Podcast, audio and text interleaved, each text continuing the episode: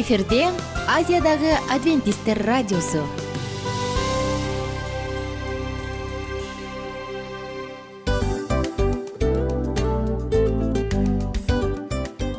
Достор салют.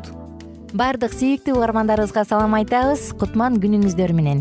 Ден соолук өмүрдүн булагы демекчи саламат саамы программасында баарыңыздарды көргөнүбүзгө абдан кубанычтабыз. Анда алгач амандашып өтөлү арбаңыздар деп. Ден соолугуңуздар кандай элибизде көбүнчө ден соолук кандай дегенде эле жакшы деп жооп беребиз э? ооруп турсак дагы жакшы дейбиз. Анан мен муну айтып ойлойт элем бул абдан сонун сөз депчи анткени бул жакшы деген үмүт да э ооба баары жакшы болот баары сонун.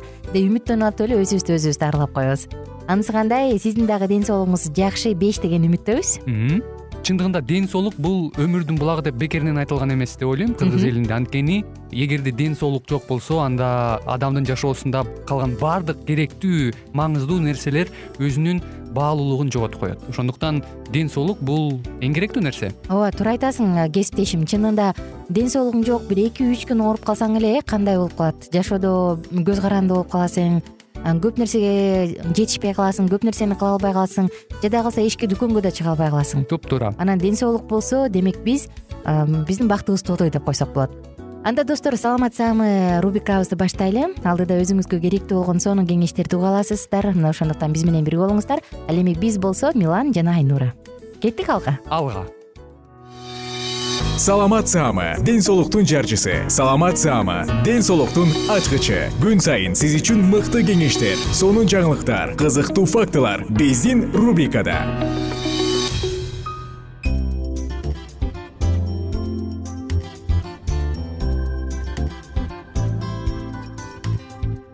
Салам достор биздин сүйүктүү угармандарыбыздын баардыгына ысык салам айтабыз. Жана сиздер менен бирге жагымдуу саатыбыз саламат саама рубрикасындабыз бүгүнкү уктуруу бизде өзгөчө айырмаланат. Эмнеси менен десеңиз алдыда дарыгерлер менен болгон маектерди сунуштамакчыбыз.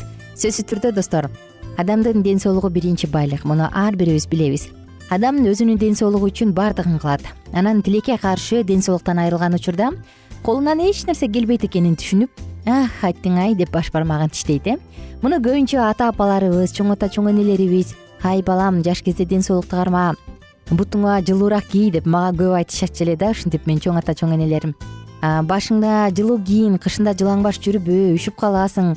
Ай кызым жуунуп алып эшикке чыкпа деген сыяктуу көп кеңештерин айтчу эле. Албетте биз булардын көбүн кулагыбыздын сыртынан кетирип коебуз бирок чындыгында кенедей кезибизден баштап ден соолукка туура кам көрүп туура тамактана турган болсок анда канчалы деген оорулуу коркунучтуу оорулардан алыс оолак болобуз. Жана албетте иштеп тапкан акчабыз дары дармек эмес а өзүбүзгө өзүбүздүн жеке муктаждыктарыбызга жумшалат ошондуктан достор мен каалайт элем ар бир угарманыбыз жашоодо туура тандоолорду жасап ден соолугунун камын көрүп жүрөгүндө тынчтыкты сактап стресс депрессиядан ашыкча тынчсыздануудан алыс болуп көп нерсени жаратканга ишенип тапшырып коюп жашоодо мындай бактылуу күндөрдө жыргалчылыкта жашаса деген үмүтүм бар алдыда биз сиздер менен дарыгерлер менен болгон маектерди сунуштайбыз сиздерге. Жана сөзсүз түрдө бул уктурууларды уккан соң өзүңүзгө тыянак чыгарып мүмкүн ден соолукта кайсы бир жерине ремонт жасап э баягы тамашалап айтканда кайсы бир жерине көңүл буруп кайсы бир жери кыйкырып жаткан болсо мага көңүл бур деп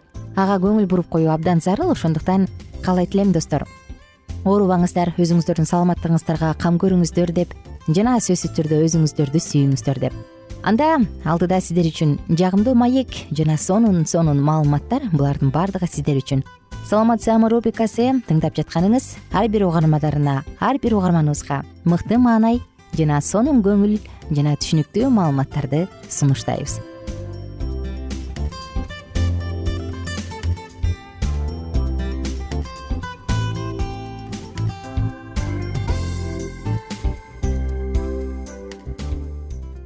салют достор. Биз баардык угармандарыбызга сагынычтуу салам айтып кайрадан кийинки чыгарылышыбызда үн алышканыбызга жана көрүшкөнүбүзгө кубанычтамын. Бул саат сиздер үчүн бул саатта дагы биз ден соолуктун камын ойлоп сиздер менен бирге сонун теманы көтөрүп чыгалы дедик. Бүгүнкү темабыз коронавирустан кийин өпкө канча убакта калыбына келет деги эле ал калыбына келеби мына ушул тема. Жана бул суроого жооп бериш үчүн коногубуз төрүбүздө. Бүгүнкү конок номер экинчи үй бүлөлүк дарыгерлер тобунун үй бүлөлүк дарыгери терапевт ибраева жаркын бакытовна кош келипсиз саламатсыздарбы сизди көргөнүбүзгө абдан кубанычтабыз. Анда ушул эле суроо. Үнү убакыт үнөмдөп кайрылуу дароо эле сөздү сизге берейин. Коронавирустан кийин өпкө калыбына келеби.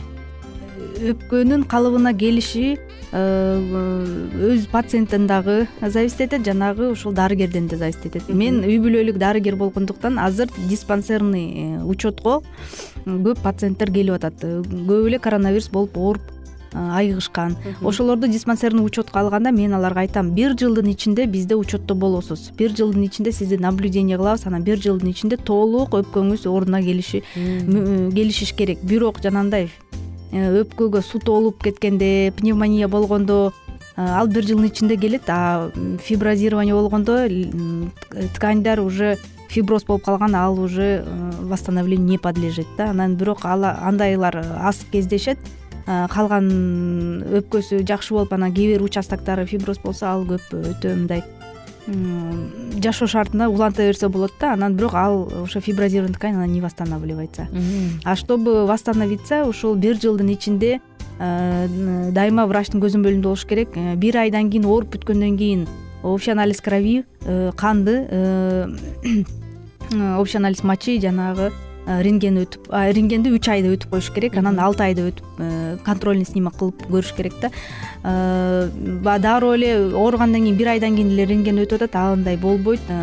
Көп эле облучаться этсе болбойт анан дыхательный гимнастика кылыш керек пациент өзү дагы колдон келишинче эртең менен турганда күнүнө үч төрт маал жок дегенде дыхательный гимнастика упражнение кылыш керек терең терең дем алып выдыхать этип көбүрөөк свежий воздухта жүрүп э, умеренный физический активность э, басып э, жүрсө албетте ошо өпкө өз калыбына келет. Жанагындай суулар баары тарап кетет да. Ошондо мисалы деген баягы мртга түшкөндө же рентгенге түшкөндө көпчүлүк айтып атпадыбы? Өпкөңдүн жыйырма пайызы же элүү пайызы жабыркап калган депчи. Бул жабыркады дегенде демек жөн гана суу толду да э эгерде конкреттүү фиброз деп айтыла турган болсо анда фиброз демек. Фиброз деле ошондо пайыз менен өлчөп берет да өпкөнүн мынча пайызы фиброз болгон деп э. Жакшы. Анда демек э, ооруган адамдын өпкөсү бир жылдын ичинде калыбына келет.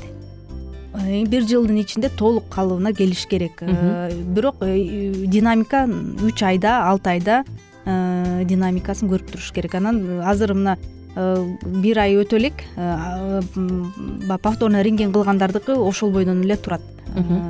Э, бир аз бир аз эле өзгөрүш болбосо үч айга алты айга чейин ошол бойдон сакталып алат окшойт эми азыр мисалы экинчи толкун деп атпайбы ушул учурда ошол мурунку ооруган адам өпкөсү жабыркаган адам кайра ооруп кала турган болсочу эмне кылат эмне болот анда? Кайра азыр мынагы биринчи э, толкунда ооругандар дагы кайра оорудук дегендер дагы боло баштады анан э, ошондо баягы көп суроолор болот да биринчи толкунда коронавирус болуп оорудуу беле же ошондо жөн эле грипп болуп оорудуу беле или балким азыр өткөндө коронавирус болуп азыр жөн гана грипп болуп ооруп атабы э, аны еще баягы көрсөтөт да убакыт көрсөтөт анан алар эгер коронавирус болуп ооругандар кайра ооруп кала турган болсо баягы антитела көп сакталбайт үч төрт айга чейин деп атпайбы анда кайра эле ошол эле клиниканы күтүшүбүз керек. Кайра эле э, альвеолаларга суу толуп э, пропотевание жидкой части плазмы анан воспаление болуп температурасы дене таба көтөрүлүп кайра жөтөл пайда болуп баягы эле коронавирустун симптомдору кайрадан ошол эле кайталаныш керек. Бирок өпкөдө көбүрөөк жабыркоо болот да анда э? Анда катуураак жана оорураак болушун күтөбүз да эгер ошол эле киши кайра ооруса. Жакшы. Ыраазычылык айтабыз сизге жоо үчүн. Ал эми мен болсо көрөрмандарыбыз менен коштошом. Кийинки уктурууда буюрса дагы жаңы тема сунуштайбыз сиздерге. Эгерде сизде ден соолукка байланыштуу суроо бар боло турган болсо анда сөзсүз түрдө видеонун алдына комментарий калтырыңыз күтөбүз. Жоопсуз калтырбаганга аракет кылабыз. Кайрадан саламдашканча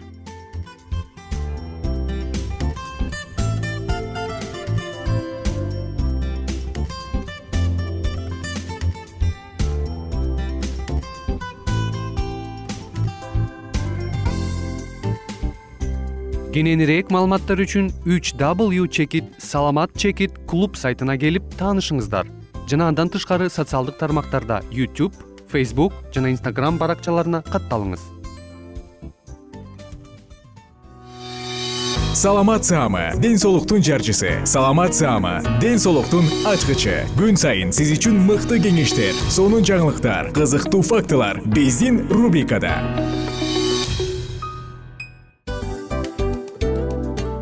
салам достор.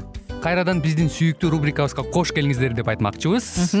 Баардык замандаштарыбызга арбаңыздар деп саламыбызды айтабыз. Улуу ушундай бир урматтаган учурашуу менен анан дил маек радио баракчабызга чакырабыз. Негизи дил маек биздин рубрикабызда эмне жөнүндө кеп кылабыз? Бул дил маектин мааниси эмнеде рубрикабыз менен кичине тааныштырып кетсеңиз. Сөзсүз түрдө тааныштыра кетейин. Кесиптешим суранычы боюнча бул учурда бул радио баракчада биз ар тарап кесип ээлеринен сонун кеңештерди алабыз сүйлөшөбүз сырдашабыз. Аталарыбыздын эжелерибиздин апаларыбыздын кеңештерин угабыз айтор. Жан дүйнөгө адамдын э, сапатына адамдын деги эле адам болуп жашашына керектүү баардык кеңештер алдыда.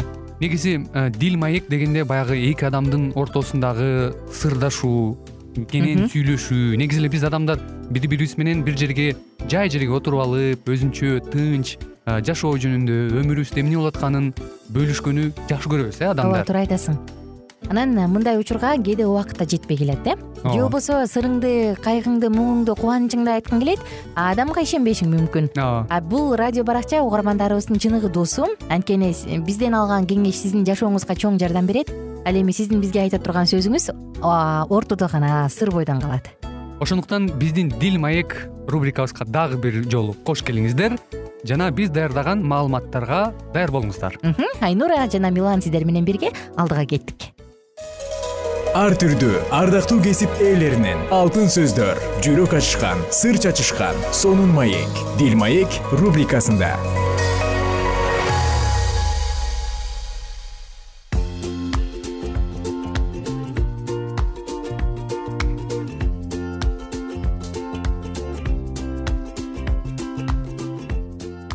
салют достор биздин угармандарыбыздын баардыгына ысык салам айтабыз. Жана сиздер менен кайрадан жагымдуу саатыбызды баштадык. Бул дил маек радио баракчасы кандай кесиптеш?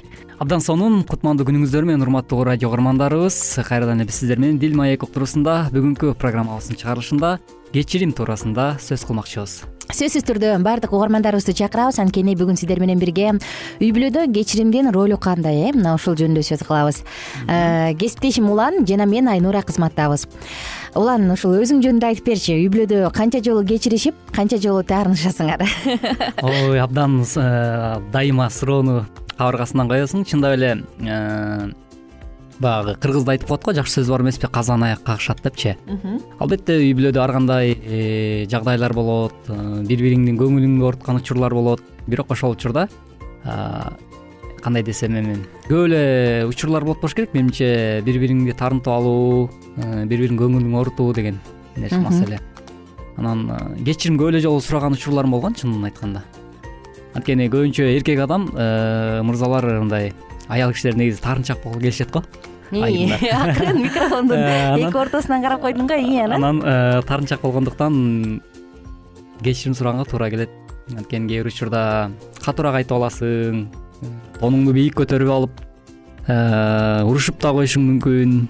Ошондуктан бир аз таарыныч болгон учурда көп эле жолу кечирим сурасаң керек. Бирок канча жолу кечирим сураганым так эсимде жок экен негизинен э, көп эле жолу кечирим сурап кайрадан баягы кечирип койчу э, туура эмес ката кетирип алдым. Балким мен туура эмес кылгандырмын деген учурлар көп эле болот туура. Чын айтасың э жашоодо ар кандай учурлар болот го? Үйдө ылдый учурлар болот жакшы жаман учурлар болот жакшы айта кеттиң. Мен бир адам жумушта кеңседе ушул открытка жазылып турчу эле да. Үй бүлөнү куруш үй бүлө куруш үчүн дейт сен сүйө бил анан кечиримдүү болгонду бил дейт. Эгер аны билбесең анда үй бүлө курбай эле кой деп жазып коюптур да бирөөчү абдан сонун мага абдан кызык болду. Үй бүлөдө баягы негизги пайдубал бул бир эле сүйүү эмес экен дейт да. Бир эле сүйүп мен сен үчүн өлөм дегендик эмес дейт. А кечиримдүү болбой турган болсоң анда үй бүлөлүк жашоону курбай эле кой деп айтып айтыптыр да бир адам. Автору эсимде жок бирок мен абдан мага жакты чындыгында үй бүлөдө ар кандай учур болот э? Жогоруда сен айткандай. Айымдар өтө сезимтал келебиз. Таарынчаак эмес сезимтал келебиз э? А мырзалар болсо көп нерсени баркалай бербейт дагы анан тарс турс айтып салат тарс турс сүйлөп салат. Эмне деп туруп эркектикке салып коет э? Мындай учурлар көп эле болот жашоодо негизи. Туптуура айтасың ал эми мен дагы бир тескерисинче буга карама каршы бир окуяга туш болгон элем да. Э, кайсыл бир мырза өзүнүн жубайына карата болгон мындай аябай кечирим сурабайт экен ал тескерисинчечи жубайынанбы ооба анткени жубайы көп учурда ошо арызданып калчу эле. Менин жолдошум эч убакта кечирим сурабайт. Мен эле сурай берем мен эле сурай берем дайыма дейт да. Мисалы үчүн э, ар кандай кырдаал ошол э, үй бүлөдө конфликт болуп кеткен учурларда жумалап керек болсо бир айлап мени менен сүйлөшпөй да коет дейт. Ой жолдошубу ооба анан ушундай нерселерди окуяларды укканда мындай таң калат экенсиң. Анан менин келинчегиме айтып калам да карачы кээ бирөөлөр кээ бирөөлөр мындай баягы салыштыруу иретинде качы керек болсо жумалап айлап да сүйлөбөй койгон мырзалар бар экен. Анан сен эмне эле болуп атасың мен күнүнө он маал сүйлөйм эмне эле болуп атасың дегенсипчи бирок мен ойлойм мындай нерсе мындай өтө эле балким бир жагынан э, текебердик деп да айтып койсок болот. Бирок э, бир жагынан билбейм биз өзүбүз жеке мен өзүмдүн үй бүлөмдө мындай мындай нерседен чыдай албай кетесиң да анткени мындай түнт болуп эле ооба напряжение деп коет го абаны чыңалтып турат э үй бүлөдө. Мисалы менин келинчегим биз жаңы үйлөнгөн учурларда ушундай бир көкпеттик кылып унчукпай коюп тултуюп ушундай бир кээде бир мүнөзү бар эле да. ошол учурда мен уже бышып эмне эле болуп атасың деп урушуп ийчүмүн да сүйлөбөйсүңбү нормальный сүйлөбөйсүңбү депчи. Ошол сыяктуу билбейм мен тескерисинче биз экөөбүз келинчем экөөбүздүн эле характери ушундай экен да мындай. Бир аз урушуп кетип эле кайра эле бат эле табышып алабыз да. Анан мен ойлойм бул үй бүлөдө э, мисалы аял менен эркектин ортосунда болгон мамиледе ушундай мүнөз болгон бул абдан жакшы депчи. Эгерде бирөө тапкыр эле көкпеттик кылып эле жанагынтип жумалап айлап сүйлөбөй койсо анда анын акыры балким ажырашуу менен аяктап калышы мүмкүн. Ооба негизи ажырашуу бул атайын ажырашам сениби дегенден деле эмес э таарынчаактыктан көкпеттиктен өзүнүкүн бербегендиктен келип чыгат го. Аябай жакшы окуя экен. Мүмкүн ал мырза ошол жана сен айтып атканчы таптакыр ката кетирбеген кетирбестир. Мүмкүн таптакыр келинчегинин көңүлүн оорутпайттыр балким анан менде кечирим сураганга эч кандай шылтоо жок эч кандай себеп жок деп коер бирок ошентип айтканда мындай келинчеги көп айтат мен аябай кыйналам депчи. Анткени такыр эле даже өзүнчө жатып калабыз дейт да өзүнчө өзүнүн э, атайын бөлмөсү бар да ошол жака кирип кетип чыкпай коет мени менен керек болсо жумалап жок андайдан кудай сактасын кудай сактасын андайдан ай кыйын экен. Анда биз угармандарыбыз менен бирге бүгүн ушул үй бүлөдөгү кечиримдин ролу жөнүндө сөз кылып жатабыз э угармандарыбызды дагы күтөбүз. Сиздин оюңуз кандай? Өзүңүздө үй бүлөдө кечирим болуш керекпи же жокпу? Сөзсүз түрдө бөлүшүп кетсеңиз болот. Анан кечирим дегенде элечи мен негизи эле үй бүлөдө эле эмес жалпы эле адам жашоосунда кечиримге мүнөздөмө издеп жатып анан алар айтып коет экен кечирим бул айыктыруучу бир кадам дейт да көрсө кечиримди менин абийирим таза болсун же меники туура эмес болсо деле мейличем кечирип коеюн көңүлү да деп эмес. А кечиримдин ушундай бир касиети бар экен ал адамды айыктыруучу касиетке ээ экен да мага ушул адамдын ою абдан жакты. Кечирим бул айыктыруучу каражат дейт да. Анан анысы кандай баягы бир аз идиш аяк кагышып кеткенде сөзсүз тырык калат э сөзсүз жаракат алышы мүмкүн мүмкүн көңүлү оорушу мүмкүн. Анан бул учурда кечирим сурап сүйлөшө турган болсо анда сөзсүз түрдө адамдын жүрөгү дарыланат экен анан албетте кечирим сурагандын дагы түрү бар э. Кечирим сурагандын ар кандай учурлары бар. Конфликтти ошол чыр келип келген баягы пайда болгон чырды кантип туура чечиш керек мына? Бул дагы албетте абдан маанилүү биз. Бул жөнүндө мен ойлоп атам кийинки уктурууларда кененирээк сөз кылсак керек деп. Ооба сөзсүз түрдө кийинки уктуруубузда дагы ушул жаатка токтолуп өтөбүз. Урматтуу угармандар ал эми сиздер жогоруда кесиптешим айткандай эле сөзсүз түрдө биздин э, төмөнкү ылдый жактагы whatsapp номерибизге өзүңүздүн э, жеке билдирүүңүздү жана ушу кечирим туурасында деги эле сиз кандай ойлойсуз э, негизи эле үй бүлөдө бири бирин кечирген кечириш керекпи? Же кээ бирөө тескерисинче кечирбей деле коюш керекпи?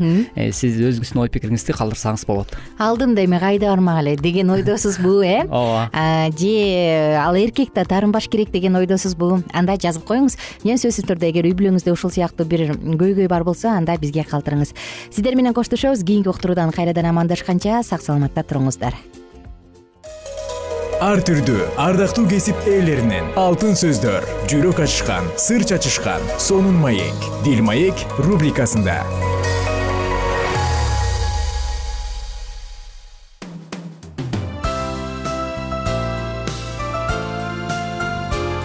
Эфирде азиядагы адвентисттер радиосу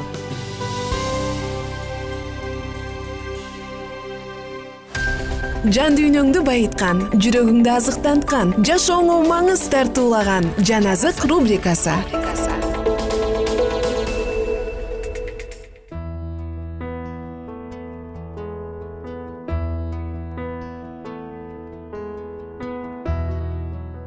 Саламатсыздарбы биздин кадырлуу замандаштар жалпы угармандарыбызга ысык салам айтып биз жагымдуу рубрикабызды баштадык жан азык рубрикасы жан азык рубрикасына кош келиңиздер. Урматтуу угармандарыбыз кайрадан эле кызматыңыздарда мен улан жана ошондой эле менин кесиптешим айнура. Ошентсең кесиптеш кандай маанай ден соолук жакшыбы абдан сонун анткени бүгүнкү программада өзгөчө сонун мага жаккан э, тема жөнүндө сүйлөшөбүз себеп дегенде. э, адилеттүүлүк деген теманын алкагында э, кеп кылмакчыбыз. Туптуура достор бүгүн сиздер менен адилеттүүлүк жөнүндө сөз кылалы. Менин атам мурун аябай ачууланып эле мен адилеттүүлүктү орнотом деп үстөлдү бир коюп болгон аракетин жумшап күч жумшаса дагы адилеттүүлүккө умтулчу эле да. Анан кийин карап отуруп анан апам болсо ай койчу адилеттүүлүк бул жакта жок ай деп урушчу эле да. Сен ушул теманы сунуштаганда мен эстеп кеттим атамдын ичи дароо эле. Бирок чындыгында биз адилеттүүлүккө умтулабыз. Мисалы өзгөчө туура эмес каралап койгондо э? Бизди бир жерден бир айыпка жыгылып калып айыптууну жазалабай сени жазалап койгондо. Кана адилеттүүлүк деп адилеттүүлүктү көрсөткөнгө аракет кылабыз. Мектептен деле керек болсо сен жакшыраак окусаң бирок сенден начар окуган балага беш коюп сага төрт коюп койсо адилеттүүлүктү орноткуң келет эмнеге бул адилетсиз кылып койду деп? Бул биздин ичибизди күйгүзөт э ооба. Адилетсиздик ичибизди күйгүзөт. Анда сөз сизде чындап эле жогоруда кесиптешим айтып өткөндөй эле кээ бир учурда биз э, ар дайым эле ар бир адам баласы мындай адилеттүүлүк деген нерсеге умтулуп жашап келет эмеспи жашоодочу. Эгерде адилетсиздик э, учурлар э, мыйзам бузуулар орун алып жатса чын эле адамдын жүрөгү уйгу туйгу болуп анан нааразы болот. адилетсиздикке чыдабагандыктан мисалы күйүп бышып адилеттүүлүктү талап кылып келет эмеспи? Өзгөчөчү улан мен ойлойм да ошо биз ишенген адамдар болот го э мындай а бул адам андай кылбайт дегенчи. Анан ай бул баарына жөндөмдүү мундан баарын күтсө болот деген адамдар бар да. Качан ушул экинчи адамдар баягы баарын кыла берет бул дегендер адилетсиздик кылса көп жүрөгүң оорубайт а качан жок бул адам мындай кылбайт бул адам деген мындай да дегенде ал сага карата адилетсиздик кылса аябай таң калып асманга барып учуп анан кайра кулагандай болосуң э кантип дейсиң да бул кантип эми деп көңүлүң ооруп ушундай бир жүрөгүң ооруйт. Анан мен ойлоп коем да чын эле адилеттүүлүк издөө туурабы деп. Анда кантип издеш керек? Адилеттүүлүктү орното алабызбы? Кандай дейсиң? Менимче адилеттүүлүктү э, орното алабызбы же орното албайбызбы деген суроо жаралганда албетте бул чын эле э, кыйын маселе. Э, мисалы мамлекеттик деңгээлде бүгүнкү күндө бүгүнкү учурда биз жашап аткан коомдо деле адилеттүүлүктү көптөр талап кылып э, мына бир эмес үчүнчү жолку э, мындай төңкөрүлүш бийлик алмашуулар төңкөрүлүш болуп жатканга күбө болуп атпайбызбы андыктан э, кандай десем ооба албетте ар бир адам адилеттүү болгонго адилеттүү жашаганга умтулуш керек жана ошого укуктуу. Бирок менимче адилетсиздик качан мындай өкүм сүрөт да? Адилетсиздик качан орун алып баштайт качан адамдын э, ошол ыйык жазууда да айтылган экен ошол эле элчи павыл баса белгилептир да ошо адилеттүүлүк жөнүндө качан адамдын жашоосунда адилетсиздик э, орноп баштайт анткени э, адамдын абири күйгөндө дейт да. Ички абир деген бул ар бир адамдын жүрөгүндө абир деген нерсе бар да. Ошол абир деген нерсе мындайча айтканда жок болуп калганда. Адилетсиздик ошол абириңди мындайча айтканда булгаганда салганда э? булгаганда да ыпластыкка сен качан жашооңдо жол берип койгондо сен үчүн бул мындай нормалдуу көрүнүш катары жашап калгандыктан бул адилетсиздик орноп калат деп мен айта алам да. Туура. Э, мисалы эгерде сен бир адамга бир адамга жеке өзүң эле мисалы келинчегиң менен болгон мамиледе никелик жашоону эле алсак э, эгерде сен келинчегиңдин көзүнө бир жолу чөп салган болсоң демек кийинкисинде эле кыласың деген сөздү айткым келип атат да. Анткени анын абири күйүп калган. Анткени берген убадасын баягы алгачкы ошол нике кыйылып аткан учурда ага берген убадасын унутуп калгандыктан э, мындайча айтканда ошондон келишимди бузгандыктан анын абири күйдү дагы экинчи шаг экинчи кадамды кылганга ал адам үчүн оңой болуп калат да.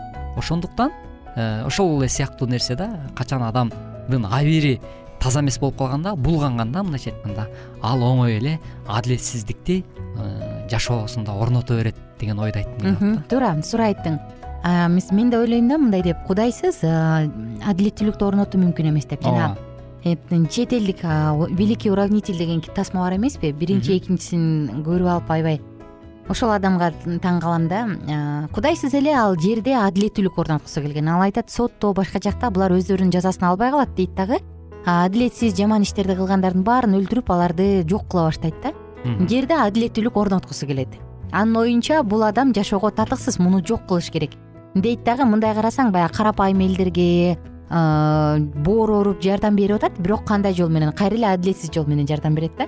Менин айткым келгени мындай кудайсыз чыныгы адилеттүүлүк эч качан орнобойт болуш керек. Деп ойлойм да. Анткени чыныгы адилеттүүлүк бул жаратуучуда гана. Мисалы биз көп айтып атпайбызбы ушул жаназакта ыйса машаяктын жашоосун э? Ыйса машаяктын жашоосун. Ал эң адилеттүү болгон да анан ал адилеттүүлүктү кантип орнотту ал жерде адилеттүүлүктү орнотом деген да жок бирок ал өзүнүн ушу адилеттүүлүк каякта экендигин адилеттүүлүк кандай экенин көргөзгүсү келди да. Мисалы карасаң аны канча куугунтукташты канча жаман сөздөрдү айтышты ал канча жакшылык кылса да болбой эле жамандык менен мамиле кылышты го.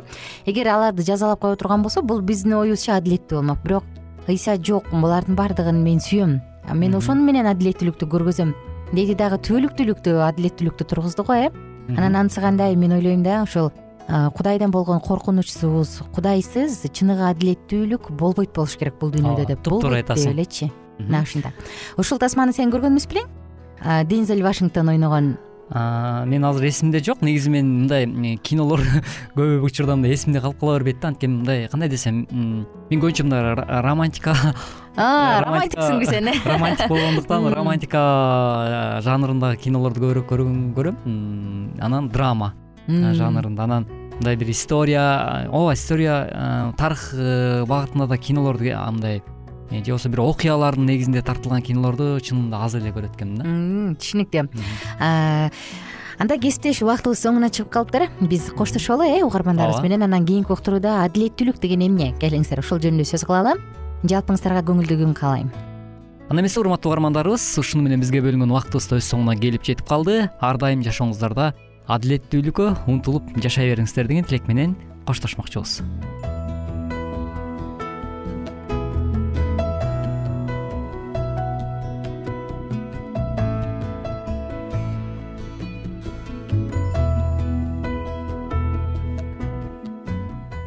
Эгер сиздерде суроолор болсо же көбүрөөк маалымат билем десеңиз анда биздин whatsapp номерибизге жазыңыз. плюс бир үч жүз бир жети жүз алтымыш алтымыш жетимиш кайрадан плюс бир үч жүз бир жети жүз алтымыш алтымыш жетимиш.